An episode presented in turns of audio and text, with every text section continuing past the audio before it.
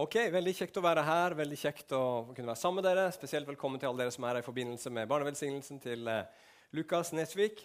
Eh, her på Betel så eh, liker vi, i hvert fall ikke jeg, å undervise fra Bibelen i serier. Altså ofte da at vi tar en bok i Bibelen, og så går vi gjennom den og prøver å forstå den, prøver å se hva den eh, vil fortelle oss i dag, og hvordan den peker på Jesus og taler til våre behov som mennesker i dag. Eh, og Vi har eh, holdt på ett år med første Mosebok. og eh, Nå skal vi begynne på andre Mosebok. Serien heter fortsatt 'Guds folk i Guds verden', men nå er det undertittel 'Følge Jesus gjennom andre Mosebok'. Og andre Mosebok det er jo en fantastisk bok. Jeg må si Den er så rik og på historisk materiale og liksom gode historier. Det har blitt laga filmer og sanger og alt mulig om det som skjedde i andre Mosebok. Og så lurer du på hva skjedde i andre Mosebok. Jo, da var det sånn at uh, Israel var i Egypt som slaver, og så kom Moses, og så fridde han de ut gjennom disse ti plagene. og alt dette her. Det skjedde i andre Mosebok. Og dere kan sikkert kanskje nynne på sangen 'Let My People Go', f.eks. When, when Israel was in Egypt's land, 'Let My People Go'. Gammel sang som mange har sunget. Prinsen av Egypt kom ut for en del år tilbake. Historien om Moses som brakte Israelsfolket ut av Egypt. Dette her er også så rikt at det er både med glede og litt frykt og beven jeg begynner på undervisningen fra denne boka. her, For det er så mye og det er så mye å ta tak i. Og så er det så mange sammenhenger både innad i boka og med alt det som står rundt omkring i Bibelen, at jeg håper jeg skal klare å få nåde fra Gud til å legge det fram både på en eh, en god måte og en måte som er trofast mot det som står, og prøve å fange opp de viktigste trådene av det Gud vil si til oss i andre Mosebok. Så alt det for å si at nå skal vi begynne på en ny serie, eller en gammel serie, men som nå har kommet i del to, som heter 'Guds folk i Guds verden'. Og Da skal vi begynne helt i begynnelsen av andre Mosebok. Har du med Bibel, så kan du slå opp. Eh, har du ikke med Bibel, så, eh, så kommer også teksten opp på skjermen her. I dag så er tittelen eh, kanskje ikke så veldig oppmuntrende, men det er sånn det begynner i denne boka. Gud, ondskap og lidelse. Og Jeg har tre overskrifter i dag som jeg har uh, lyst til å, å uh, dele med dere. Det første er at det fins en god og trofast Gud. Det andre er at det finnes en ond fiende. Og det siste er at det finnes en Gud som vender det onde til det gode. Og Det skal vi se på litt i dag. Så Da leser vi fra 2. Mosebok i kapittel 1 og vers 1. Og Der står det dette er navnene på Israels sønner som kom til Egypt, hver mann og hans hus sammen med Jakob. Ruben, Simeon, Levi og Juda. Isakar, Sebulon og Benjamin. Dan, Naftali, Gad og Asher. Alle sjeler som stammet fra Jakobs liv, var i alt 70 sjeler, for Josef var allerede i Egypt. Josef døde, det gjorde også alle brødrene hans og hele det slektsleddet. Men Israels barn var fruktbare og ble til en stor mengde. De ble mange og over all måte tallrike. Landet ble fylt opp av dem. Nå steg det fram en ny konge over Egypt, en konge som ikke kjente Josef. Han sa til folket sitt.: Se, Israels barns folk er større og mektigere enn oss. Kom, la oss gå viselig fram mot dem, så de ikke skal bli enda flere. For om det skulle skje at det brøt ut krig, kunne de slå seg sammen med fiendene våre, kjempe imot oss og dra opp fra landet.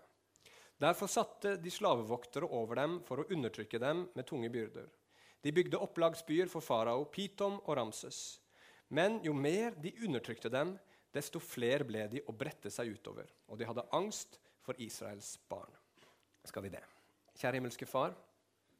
Jeg har bare lyst til å be om din hjelp i dag igjen, Herre, til å eh, trofast forklare ditt ord, Gud. Trofast forkynne det trofast vise, Herre, hva jeg tror du vil si til oss i dag, Gud, som mennesker i 2018, mange tusen år etter at dette skjedde, Herre.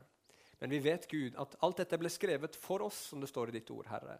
For at vi, Herre, skulle ta lærdom av det, for at vi skulle bli undervist, Herre, for at vi skulle forstå noe om hvem du er, Herre, og hva du vil med våre liv. Og jeg ber Jesu navn, hjelp meg, Hellige Ånd. Hjelp våre hjerter til å ta imot og se, Herre, hva du vil si til oss gjennom denne historien. Ikke bare i dag, Herre, men etter hvert som vi går gjennom søndag etter søndag. Gud, må du gjøre noe med livene våre. Må du lære oss å kjenne deg og følge etter deg gjennom, gjennom det som står i andre Mosebok, Herre. Vi ber om det i Jesu navn. Amen. Ok, Det første punktet mitt i dag er at det finnes en god og trofast Gud. Eh, denne historien her, den begynner som vi hørte, med at Israels tolv stammer og det var eh, nevnt navnet på det her, kommer fra eh, Kanan, det som vi kaller Israel i dag, og ned til Egypt for å bo der. Og Historien her forteller at de vokser fra å være ca. 70 personer til å bli en stor mengde. De tallfestes ikke her, men som vi hørte, så sa farao, kongen i Egypt, at de hadde blitt flere enn egypterne. Så det var en stor mengde. Og senere i historien så får vi tallfesta det, at det er over to millioner mennesker. Gått fra 70 til å bli to millioner. Det er ganske bra folkevekst, er ikke det? Eh, og når vi tenker på at verdens befolkning var mye lavere på den tiden enn den er nå altså Det var ikke, sikkert ikke flere enn et par hundre millioner mennesker som levde da. Så skjønner vi at dette her var stort. Dette var mange mennesker på den tiden. Og dette her forteller oss noe om Gud. For Gud, da han skapte verden, så sa han til menneskene, 'Vær fruktbare og bli mange'. Og det er noe i Gud som er fullt av liv og kraft, som gjør at ting som han har skapt, vokser, utvikler seg. Det er vakkert, det er godt, fordi Gud er god. Og det skjer i verden i dag. Det vokser rundt oss. Nå nærmer det seg høst, men vi vet at etter høsten så kommer vinter, og så kommer vår. Og så vokser det igjen. Det er noe vakkert og godt med det som Gud har skapt. For det er Gud han er på livets side. Det er den, den Gud som Bibelen beskriver. Men i denne historien her så ligger det noe mer enn bare en sånn generell eh, beskrivelse av hvordan Gud er, som en Gud som er for liv og for vekst. Her ligger det også en beskrivelse av en Gud som holder sine løfter. På hvilken måte da? Jo, denne boka her, den handler eh, den, den, står ikke helt alene. Denne boka her begynner faktisk på en helt forferdelig måte. Hvis du er norsklærer her inne, så har du sikkert lært dine elever at du aldri skal begynne en setning med 'og'. Ikke sant? Det har vi lært. Jeg gjør det hele tiden. Jeg synes det er kjempebra. Og jeg har bibelsk belegg for det, for her i denne boka her, så begynner hele boka med 'og'. Og. Hvorfor i all verden begynner boka med 'og'? Jo, fordi at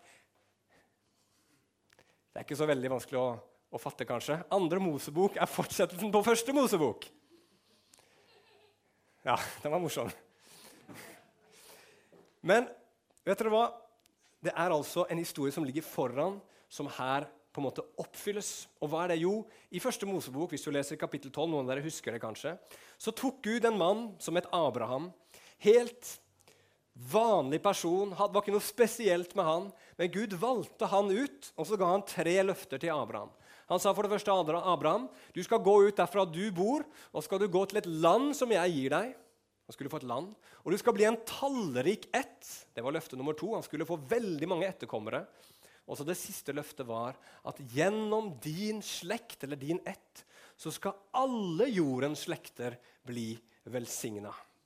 Gud han har valgt ut én mann, og så sa han gjennom den mannen der så skal jeg velsigne denne slekta, slik at alle jordens slekter, at hele verden skal bli velsigna. Og her i denne boka, andre Mosebok, så leser vi nettopp det at Gud holder på å oppfylle det løftet som han har gitt til Abraham. Hvordan det? Jo, fordi at dette folket her, Israel, er etterkommere av Abraham. Og nå begynner de å bli tallrike. De går fra å være 70 De var to helt i begynnelsen. Abraham hadde bare en kone, og de kunne ikke få barn. Og Så ble de 70, og nå er de blitt to millioner mennesker. Og Hva forteller det oss? Jo, det forteller oss at Gud han er trofast. Han ga et løfte kanskje hundrevis av år tidligere. Vi vet ikke nøyaktig hvor lenge før det var. Og så oppfyller han det nå. Han gjør det han har lovt, og de begynner å bli et tallrikt folk.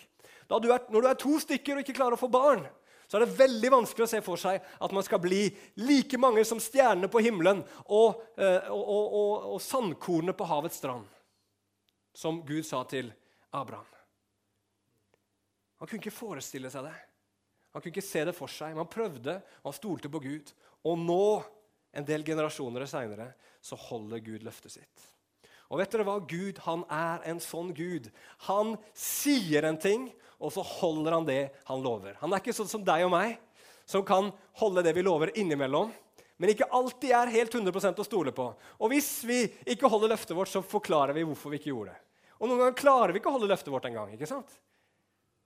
Men Gud han både kan og vil og kommer til å holde sine løfter. Og det han har lovt deg gjennom sitt ord, det kommer Gud til å holde. Og Hele denne boka her handler om det. Og jeg kan si personlig, og det er sikkert flere andre her som også kan skrive under på, at vi vet og har erfart at Gud er en Gud som holder sine løfter. Men han gjør det ikke alltid nå. Han gjør det ikke alltid når vi vil, eller som vi vil, men han gjør det alltid, for han er trofast. Ok, Så her viser Gud sin trofasthet. Israel holder på å vokse i Egypt. Men hva skjer? Jo, som i enhver god historie, men som det ofte også er i virkeligheten, så finnes det en motstander. Når ting går bra, så er det et eller annet annet som går imot. Og I denne historien så er det en mann som eh, heter farao. Han var konge i Egypt. Og Det står her om at denne faraoen her, han kjente ikke Josef. Hva betyr det? Jo, enda litt bakgrunnshistorie. Israel de er nå i Egypt. og Det er ikke her de skal bygge og bo, men de er her nå fordi Gud gjennom en kronglete historie hvor noen brødre solgte en av brødrene sine som slave. Det var ikke fint til Egypt. Men det endte opp med at Gud brukte denne situasjonen her til å bruke denne broren som ble solgt, han het Josef, til å bli statsminister i Egypt og redde hele landet fra hungersnød. Og som takknemlighet for at eh, Josef hadde redda hele Egypt fra hungersnød, så får Josef lov til å invitere hele familien sin ned til Egypt og bo i den aller mest fruktbare delen av landet.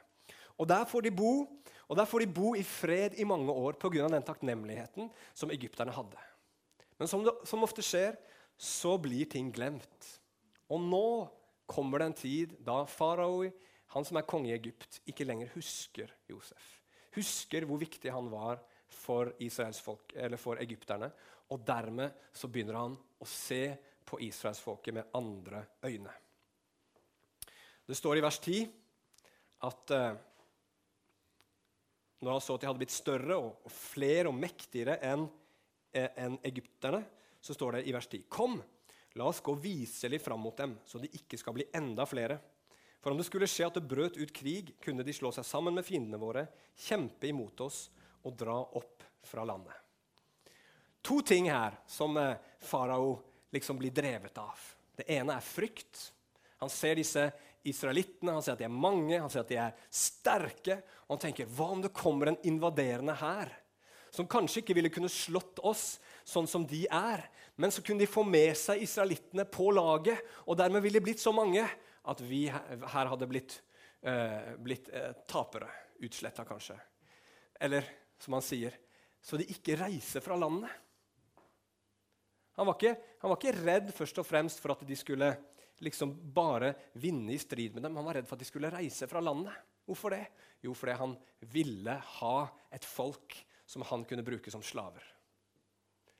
Og hva, hva var nytten med det? Jo, de hadde noen vanvittige byggeprosjekter i Egypt. Og De ser du per den fortsatt en dag i dag. ikke sant? Når du reiser til Giza i Egypt, så ser du pyramidene. Og de er bygd på ryggen, og ofte brukne rygger, av millioner antageligvis av slaver som har båret og dratt og hamra ut disse gigantiske steinene for at disse monumentene skulle bli bygd, som står nå mange mange tusen år senere.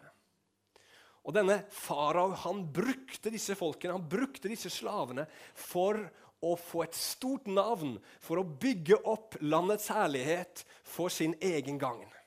Så han hadde liksom to interesser. Det ene var at han måtte passe på at disse her israelittene ikke ble for mektige. Og Samtidig så ville han beholde dem og ville ikke at de skulle kunne rømme og forsvinne.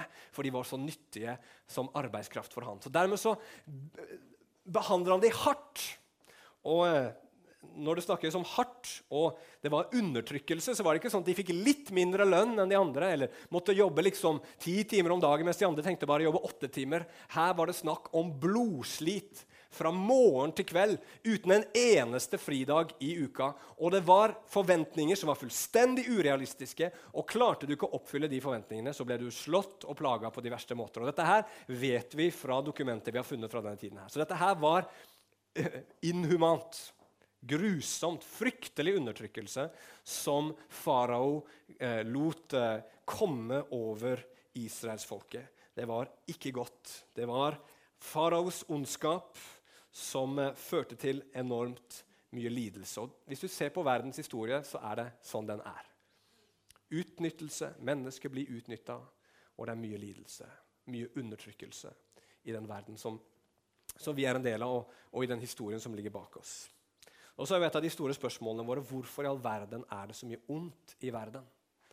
Når vi ser på historien, alt som har skjedd opp igjennom, da er det bare sånn at vi er nødt til å stille dette spørsmålet, vi mennesker. Hvorfor er det sånn? Hvor kommer alt det onde fra? Og Bibelens forklaring på det er at det finnes en ond fiende. Det finnes en ond personlig kraft i denne verden som kalles for djevelen eller Satan i Bibelen, og som Jesus sier har tre, tre mål. Han vil myrde, stjele og ødelegge. Han, vår Gud, er livets Gud. Han vil vekst, han vil det gode. Og så finnes det en negativ, ond kraft i verden som vil nøyaktig det motsatte. Han vil ødelegge, ta liv og hindre det gode som Gud har skapt. Og Det, det gjelder generelt. altså Overalt på denne jorda her så skjer det vonde, fæle ting. Og mennesker som er skapt i Guds bilde, blir behandla på måter som ikke vi klarer å forestille oss engang. Og Veldig lite av det kommer fram i mediene, men hvis du følger litt med på f.eks. Eh, krigen i, i Sør-Sudan eller eh, i Kongo gjennom veldig mange år, og områder som vi nesten aldri hører noen ting om, i Nord-Korea f.eks., så er det umenneskelig lidelse som finner sted mange steder. Og hva er det? Jo, bak all den lidelsen så finnes det en ond kraft som vil ødelegge det Gud har skapt. Men spesielt så vil denne onde kraften her ødelegge Guds plan og Guds løfter. Nemlig å velsigne alle jordens slekter gjennom et folk. Og Vi ser det hos jødene. Hvis du leser om jødenes historie, så har det vært en historie av undertrykkelse på undertrykkelse på undertrykkelse. Og det er utrolig hva det folket der har gått gjennom. Og Det siste vi kjenner til, sant, er holocaust under andre verdenskrig. Men masse masse pogromer var det tidligere, og det var forfølgelse i det kristne Europa av inkvisisjonen. Og det har vært enormt mye lidelse for det jødiske folket. Hvorfor det? Jo, for det finnes en ond kraft som vil hindre og ødelegge det verk som Gud gjør denne jord, på denne jorda her. Og ikke nok med det kristne, det som vi er en del av er faktisk den religionen i verden som er aller mest forfulgt av alle religioner. 215 millioner kristne i verden i dag blir forfulgt for sin tro. Det er mange mennesker. Og Det kan være alt fra at de blir diskriminert og mister jobben sin og blir kasta ut av familier, til at de blir satt i fengsel og torturert og tatt livet av. Hvorfor skjer alt dette her? Jo, for det fins denne onde kraften som vil hindre det verket som Gud gjør i denne verden, som er godt. Og hvordan gjør det? Jo, han virker gjennom oss mennesker, akkurat som han gjorde på farao. Hva var det han klarte å liksom få tak i inni farao? Jo, det var frykten hans. Wow, disse folkene de kan ta fra meg noe. De kan ta fra meg noe godt. De kan ta fra oss tryggheten. De kan ta, fra oss den livsstilen vi har. Disse menneskene må vi undertrykke. Vi må hindre dem i å ta makten fra oss. Og så kommer det ondskap og undertrykkelse. Men det er også grådighet som driver oss mennesker. Farao ser disse menneskene. Aha, disse menneskene kan jeg bruke til å bygge mitt imperium. Jeg kan få et stort navn. Og Sånn er det også at vi mennesker drives fram til å gjøre mye ondt i verden i dag. Det er ikke først og fremst at vi mennesker tenker 'Å, hva ondt kan jeg gjøre i dag?' Men det at vi vil ha gode ting. Vi vil ha trygghet. Ikke noe galt med det. Vi vil ha makt. Det er ikke noe galt i å ha makt heller. Vi vil ha kontroll. det er ikke noe galt i å ha kontroll. Vi vil ha eiendeler. Det er ikke noe galt i det. Men med en gang vi begynner å frykte for det, eller begynner å begjære det, så er vi plutselig i stand til å gjøre ting som skaper lidelse for andre mennesker. Og Mange mennesker i dag tror ikke at det fins en sånn ond makt bak universet. Alt bare er atomer, alt bare er fysikk. Men vet dere hva? Hvis det er sånn, Hvorfor driver vi mennesker hele tiden da og stiller dette spørsmålet? Hvorfor? Med en gang noe ondt skjer, så sier vi med en gang 'Hvorfor skjedde dette?' Ikke ja, Det er jo klart at i et univers med masse forskjellige atomer som kolliderer på forskjellige måter, så er det klart at noen ganger så må det jo kollidere litt negativt med meg. Men sånn tenker vi ikke. Vi roper 'Hvorfor?' Hvorfor skjer dette? For dypt inni oss så finnes det en forståelse om at det finnes noe som er ondt, som virkelig eksisterer, og det er ikke meningen at det skal være sånn. Men hvorfor i all verden gjør ikke Gud noe med den ondskapen? da? Det er jo et av de andre store spørsmålene vi stiller. Hvorfor er det så mye ondt i verden, og hvorfor gjør ikke Gud noe med den ondskapen? Vel, Det bibelske svaret og det som vi begynner å se en anelse av her, i denne historien, det er at Gud gjør det. Men han gjør det på en annen måte og med en litt annen timeplan enn det vi ville gjerne at han skulle gjøre det på, fordi han har en litt annen hensikt. Gud han vender det onde til det gode. Vi ser to ting i denne historien. her. For det første så ser vi at Gud han lar seg ikke stoppe av det onde. Når farao begynner å undertrykke israelsfolket, hva skjer da? Hva leste vi i historien? Jo, de vokser enda mer! Altså, Denne onde kraften forsøker å ta livet vekk, men livet blomstrer. Livets makt og kraft overvinner den onde kraften. Og vet dere hva? I Bibelen så er det sånn, og det er ikke yin og yang. Mange mennesker er glad i yin og yang for tiden, men det er noe elendig tull. altså. For yin og yang sier at det fins to likeverdige krefter i universet. Som begge to må være der, og som begge to har like mye makt, og som hele veien kjemper mot hverandre, og som trenger å være i balanse. Det er ikke det Bibelen sier. Bibelen sier at det fins en god makt, men det fins en ond makt. Men den onde makten er mye mindre og mye svakere enn den gode makten. Den onde makten er varer bare en liten tid, mens den gode makten er evig. Og den gode makten den er så sterk og den er så mektig. Den er så mye større enn den onde makten at ikke bare er det sånn at vi kan vite at det gode kommer til å seire til slutt. Og det er jo det vi håper på alle sammen. ikke sant? Alle elsker filmer hvor det ender godt til slutt. Det er jo det som er gøy å se på. Det er da du sitter igjen med en god følelse. Hvis det bare er tragedie og elendighet på slutten, så bare åh, får du lyst til å gå og spise masse is etterpå. Men når det ender godt til slutt, så tenker vi ja, sånn skal det være. Og Bibelens historie forteller oss at det finnes en Gud som er mye mektigere enn ondskapen. Og han vinner til slutt. Og han er så mye mektigere enn ondskapen at Gud han er i stand til å gjøre det jeg kaller for åndelig judo. Hva er åndelig judo? Jeg, jeg kan ikke så veldig mye om judo. Men jeg har skjønt det at judo er en kampsport hvor hele poenget er å bruke motstanderens kraft og styrke mot han selv. Ikke sant? Motstanderen kommer løpende mot deg, og du får liksom sveiva den personen, sånn at den kraften bare fortsetter inn i en vegg, f.eks. Og dermed er det personens egen kraft som slår personen ut. Og Sånn er det med Gud. Han tar ondskapen som er ment å skulle være et angrep for å ødelegge det gode i verden. Og så tar han noen sånne judogrep, åndelig talt, og så vender han det, gode, det onde til å bli brukt til sine gode hensikter. Og Det ser vi i denne historien her. Jo mer det ble undertrykt, jo mer vokser de. Ikke sant? Det som liksom var vent for å ødelegge, det vender Gud til vekst og framgang istedenfor. Og det er klart, Gud kunne sikkert hindra i utgangspunktet at det onde hadde skjedd, men han gjør ikke det. Han sender de til Egypt. Han vet at denne undertrykkelsen kommer til å skje. Og så tillater han det. Og Gud han er en sånn Gud som ikke står bak det onde. Det forteller Bibelen. Men han tillater det onde i noen tilfeller fordi han vet at gjennom det onde så kan han bringe noe godt inn som han på ingen annen måte kunne brakt inn i våre liv. Bare tenk på Israel. Hvis Israel ikke hadde blitt undertrykt i Egypt, hva ville skjedd med de da? Det var, var såpass bra i Egypt. Det var frodig, det var grønt, de bodde ved Nilen. At antageligvis så ville de blitt boende der resten av sin levetid. Men var det noe framtid for Israel i Egypt?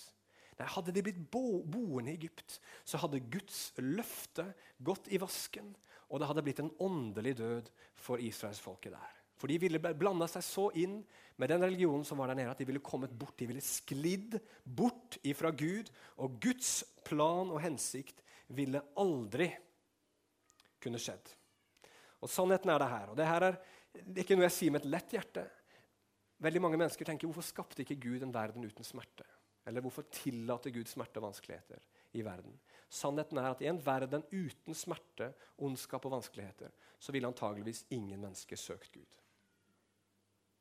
Ingen, vi ville vært helt fornøyd med å bare være her, leve i synd og død og mørke og gått fortapt alle sammen. Men med en gang det begynner å bli vanskelig og krevende å leve, så begynner vi å spørre dette spørsmålet hvorfor? Hva er meningen med det her? Hvorfor fins jeg det hele tatt på den planeten? Er det noen svar å finne? Og så begynner vi å søke Gud. Og det rare er det her, kjære venner, at det er vi mennesker i Vesten som sitter med kanskje den beste og mest komfortable livsstilen som noen mennesker noen gang i verdenshistorien har hatt, som sier hvordan kan det finnes en god Gud når det er så mye ondt i verden? Og så vil vi ikke ha noe med Gud å gjøre.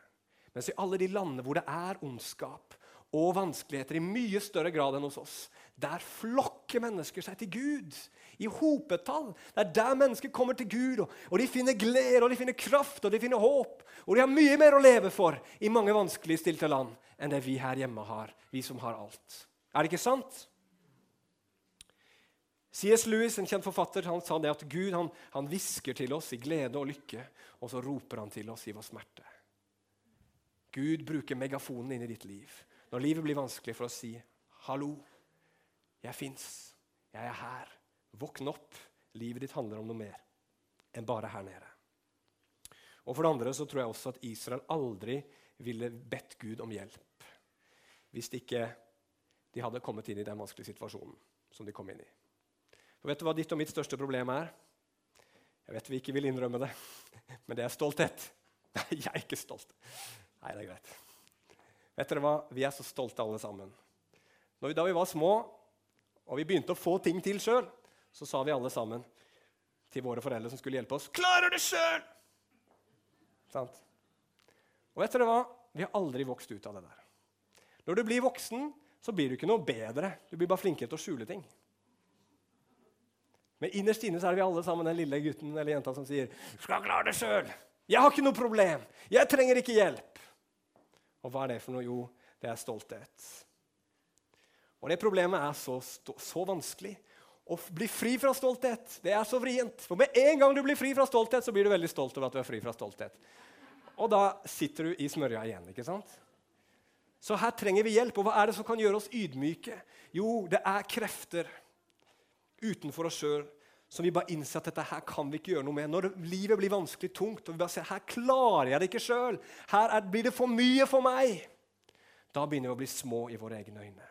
Og da kommer vi i den situasjonen som Gud vil ha oss i, at vi begynner å innse at her er det noe som jeg ikke kan hanskes med selv. Jeg trenger hjelp. Jeg trenger en frelser. Og Her begynner på mange måter, eller fortsetter historien om Guds folk. At de kommer til et punkt i sitt liv hvor de begynner å liksom, innse at her trenger vi hjelp. Og så begynner de å tenke hva med den Gud som vi har hørt om? Abrahams, Isaks og Jakobs Gud. Kanskje han kan hjelpe oss i vår nød? Kanskje han virkelig fins? Kanskje han kan vise hvem han er? Og gjennom det så gjorde Gud store ting. Og hans hensikt og hans mål var hele veien at dette folket, ja, hele verden, skulle lære han å kjenne.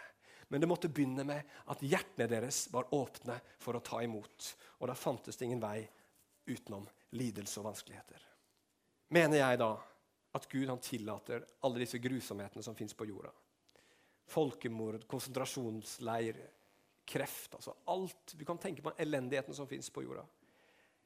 Og jeg, jeg må bare si det er, et, det er et formidabelt problem. Det er ikke noe man kan si med letthet og si ja, ja, Gud tillater, Gud tillater. Når det skjer med deg, når det er du som sitter der, og det er vondt og krevende og vanskelig å leve livet, så blir det der mer en teori og en lett måte å, å liksom bare avfeie det ondes problem på. Men dette her er ikke et problem bare for kristne. Dette er et problem for alle mennesker.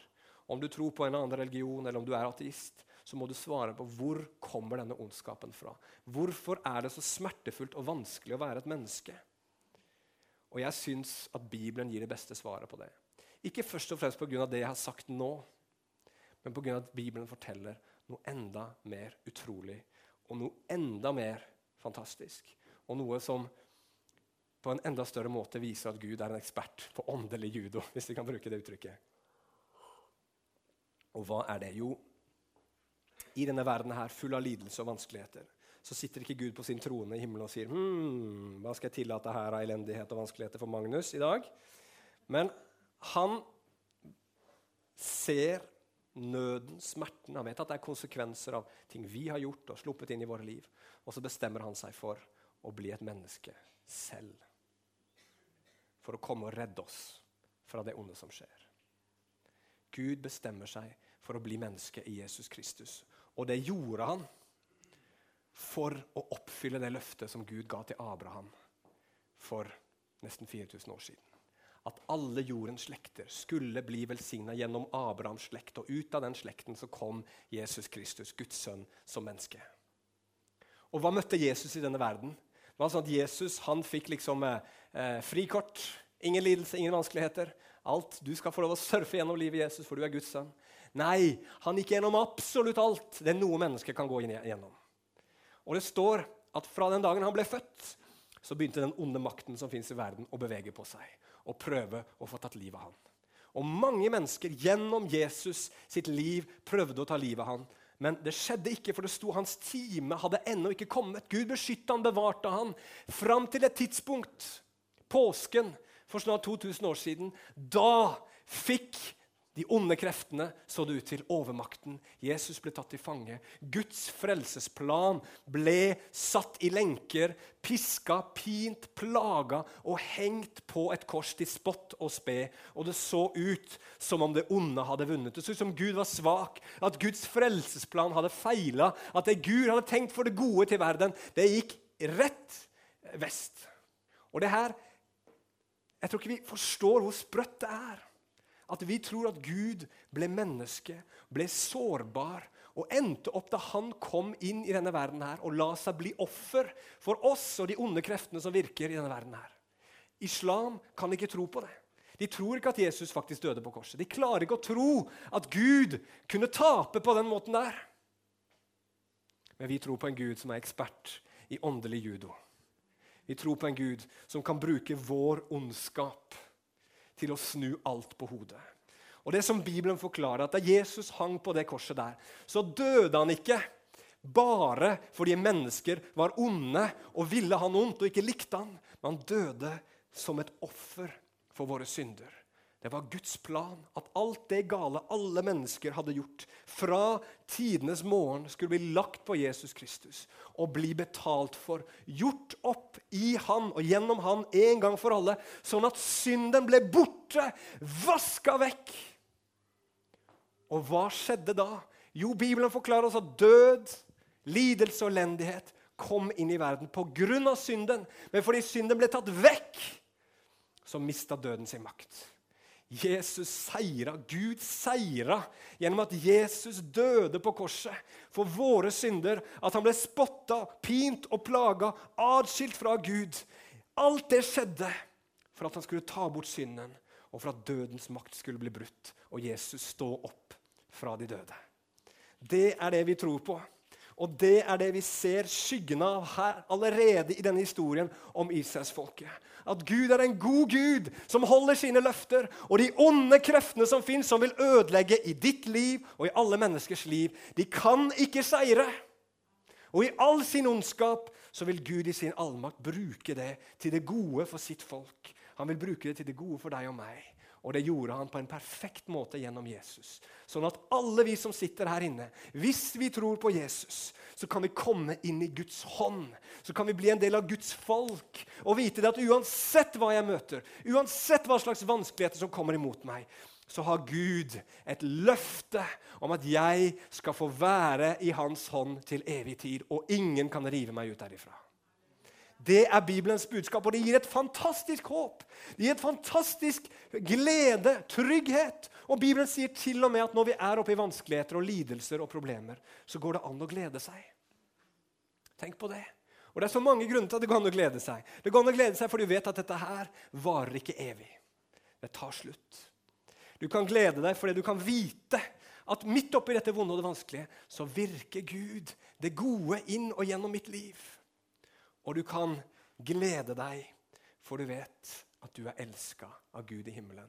Og du er elska så mye at han ga sin sønn på korset for deg. Og Uansett hva slags vanskeligheter og problemer du møter i livet, så kan ingenting av det overgå den fantastiske gaven du har fått gjennom Jesus Kristus. La oss og Gud, bare hjelp oss til å forstå det når vi møter vanskeligheter. At dette er selve gleden. Så la meg si det her til slutt. Israelsfolkets historie begynner med ondskap og lidelse. Og sånn er det med alle mennesker som skal komme til Gud. Vi må komme til det punktet hvor vi er på våre knær. Vi må komme på det punktet hvor vi kjenner at dette her klarer jeg ikke sjøl. Jeg trenger hjelp. Jeg trenger en frelser. For Gud han frelser bare de svake. Gud han frelser bare de som trenger hjelp. Gud han redder bare de som ikke tror de klarer det sjøl. Og dit må vi komme alle sammen. Og vi har ingenting å skryte av noen av oss. Vi er så veike og så svake at vi aner ikke engang. Og Vi kan se tøffe og, og, og, og sterke ut i noen, noen, tider, men når ingen ser oss, så vet vi nøyaktig hvem vi er. Og ingen av oss har noen ting å skryte av. Men det håpet vårt det fins ikke å manne seg opp, få bedre selvtillit, prøve å mestre dette livet her. Nei, håpet vårt, håpet til alle mennesker, uansett hvem du er, fins hos Gud i Jesus Kristus. Og Bibelen sier at hvis du kaller på han, så er han rik nok til alle som kaller på han. Alle som kaller på han i sannhet. Og hvis du er kristen, og du kjenner at livet er tøft, så kan du både vite at det vonde du møter, ikke er fra Gud. Gud er en god Gud, og han vil bare gode ting for livene våre. Det kommer fra en annen kilde. Men så kan du også vite at Gud kan bruke det vonde og vanskelige livet ditt for å gjøre noe i deg og i meg som han ikke kunne gjort på en annen måte. Og Så kan vi ta imot det, og så kan vi si Gud, gjør sånn som du vil. Og så kan du vite at Gud lar det aldri bli så hardt, aldri så vanskelig, aldri så krevende at du ikke kan bære det med hans hjelp. Han vil aldri føre deg inn dit. Uansett hva du møter, så vil han bære deg gjennom det. Og så kan du ha et dypt håp og en dyp trygghet, for Gud har bundet seg til deg han har bundet seg til deg gjennom et løfte som han aldri verken kan eller vil bryte. Og Det er det Bibelen kaller for en pakt. Et ubrytelig løfte fra Guds side. Så kjære venner, vi tror på en allmektig Gud. Vi tror på en Gud som lever. Og vi tror på en Gud som vil det gode. Derfor er vi mot alt ondt i verden. All undertrykkelse, alt smerte, problemer som andre mennesker påfører andre. Vi er aldri for det. Vi er alltid imot det. Og vi vil gjøre det vi kan for å stoppe det. Og Samtidig så vet vi at det store problemet vårt, det alle mennesker trenger før de trenger frihet fra undertrykkelse, før de trenger frihet fra all slags smerte og elendighet i verden, det er å få kjenne Gud og få fred med Han. Og Det er vår misjon og det er vårt oppdrag å rope ut i verden at det finnes håp for alle mennesker gjennom Jesus Kristus. Skal vi be til slutt? Kjære himmelske Far. Jeg bare takker deg, for vi kan begynne denne historien, Herre, ved å se på at det er du som er helten i historien, og ingen andre. Israels folk er ingen helt. Moses selv er ingen helt her i denne historien, men det er du som er den store helten. Og Jeg bare takker deg for at det er det samme i våre liv. I våre liv så er det du som er helten. Her takker at Jeg står ikke her oppe i dag, Gud, for å skryte av meg selv, Herre, for det ville ikke blitt så veldig bra. Men Herre, jeg står her for å skryte av deg, Gud. Jeg vil stå her for å skryte av Jesus Kristus. For det gode du har gjort i mitt liv, her, det var det ingen andre som kunne gjort. Og Herre, jeg vet at du er den samme for alle mennesker. Og at alle som kaller på deg, Herre, de finner håp og framtid og liv. Og Jeg bare ber Jesu navn Herre, om at vi må være frimodige, vi som kjenner deg, til å peke på deg. Ikke forsvare oss selv hele tiden her, og prøve å vise at vi er noe bedre eller flinkere. Herre. Nei, for vi er ikke det. Alt vi har, er deg, Jesus. Men det er mer enn nok, Herre. Det er den rikeste skatt noe menneske kan finne. Herre, la disse ordene prentes inn i våre hjerter. La oss få mot og kraft, Herre, når vi møter vanskeligheter i livene våre. Og stole på og hvile i den sannheten som ditt ord eh, legger så klart fram for oss, at alt tjener til det gode for dem som elsker Gud. Amen.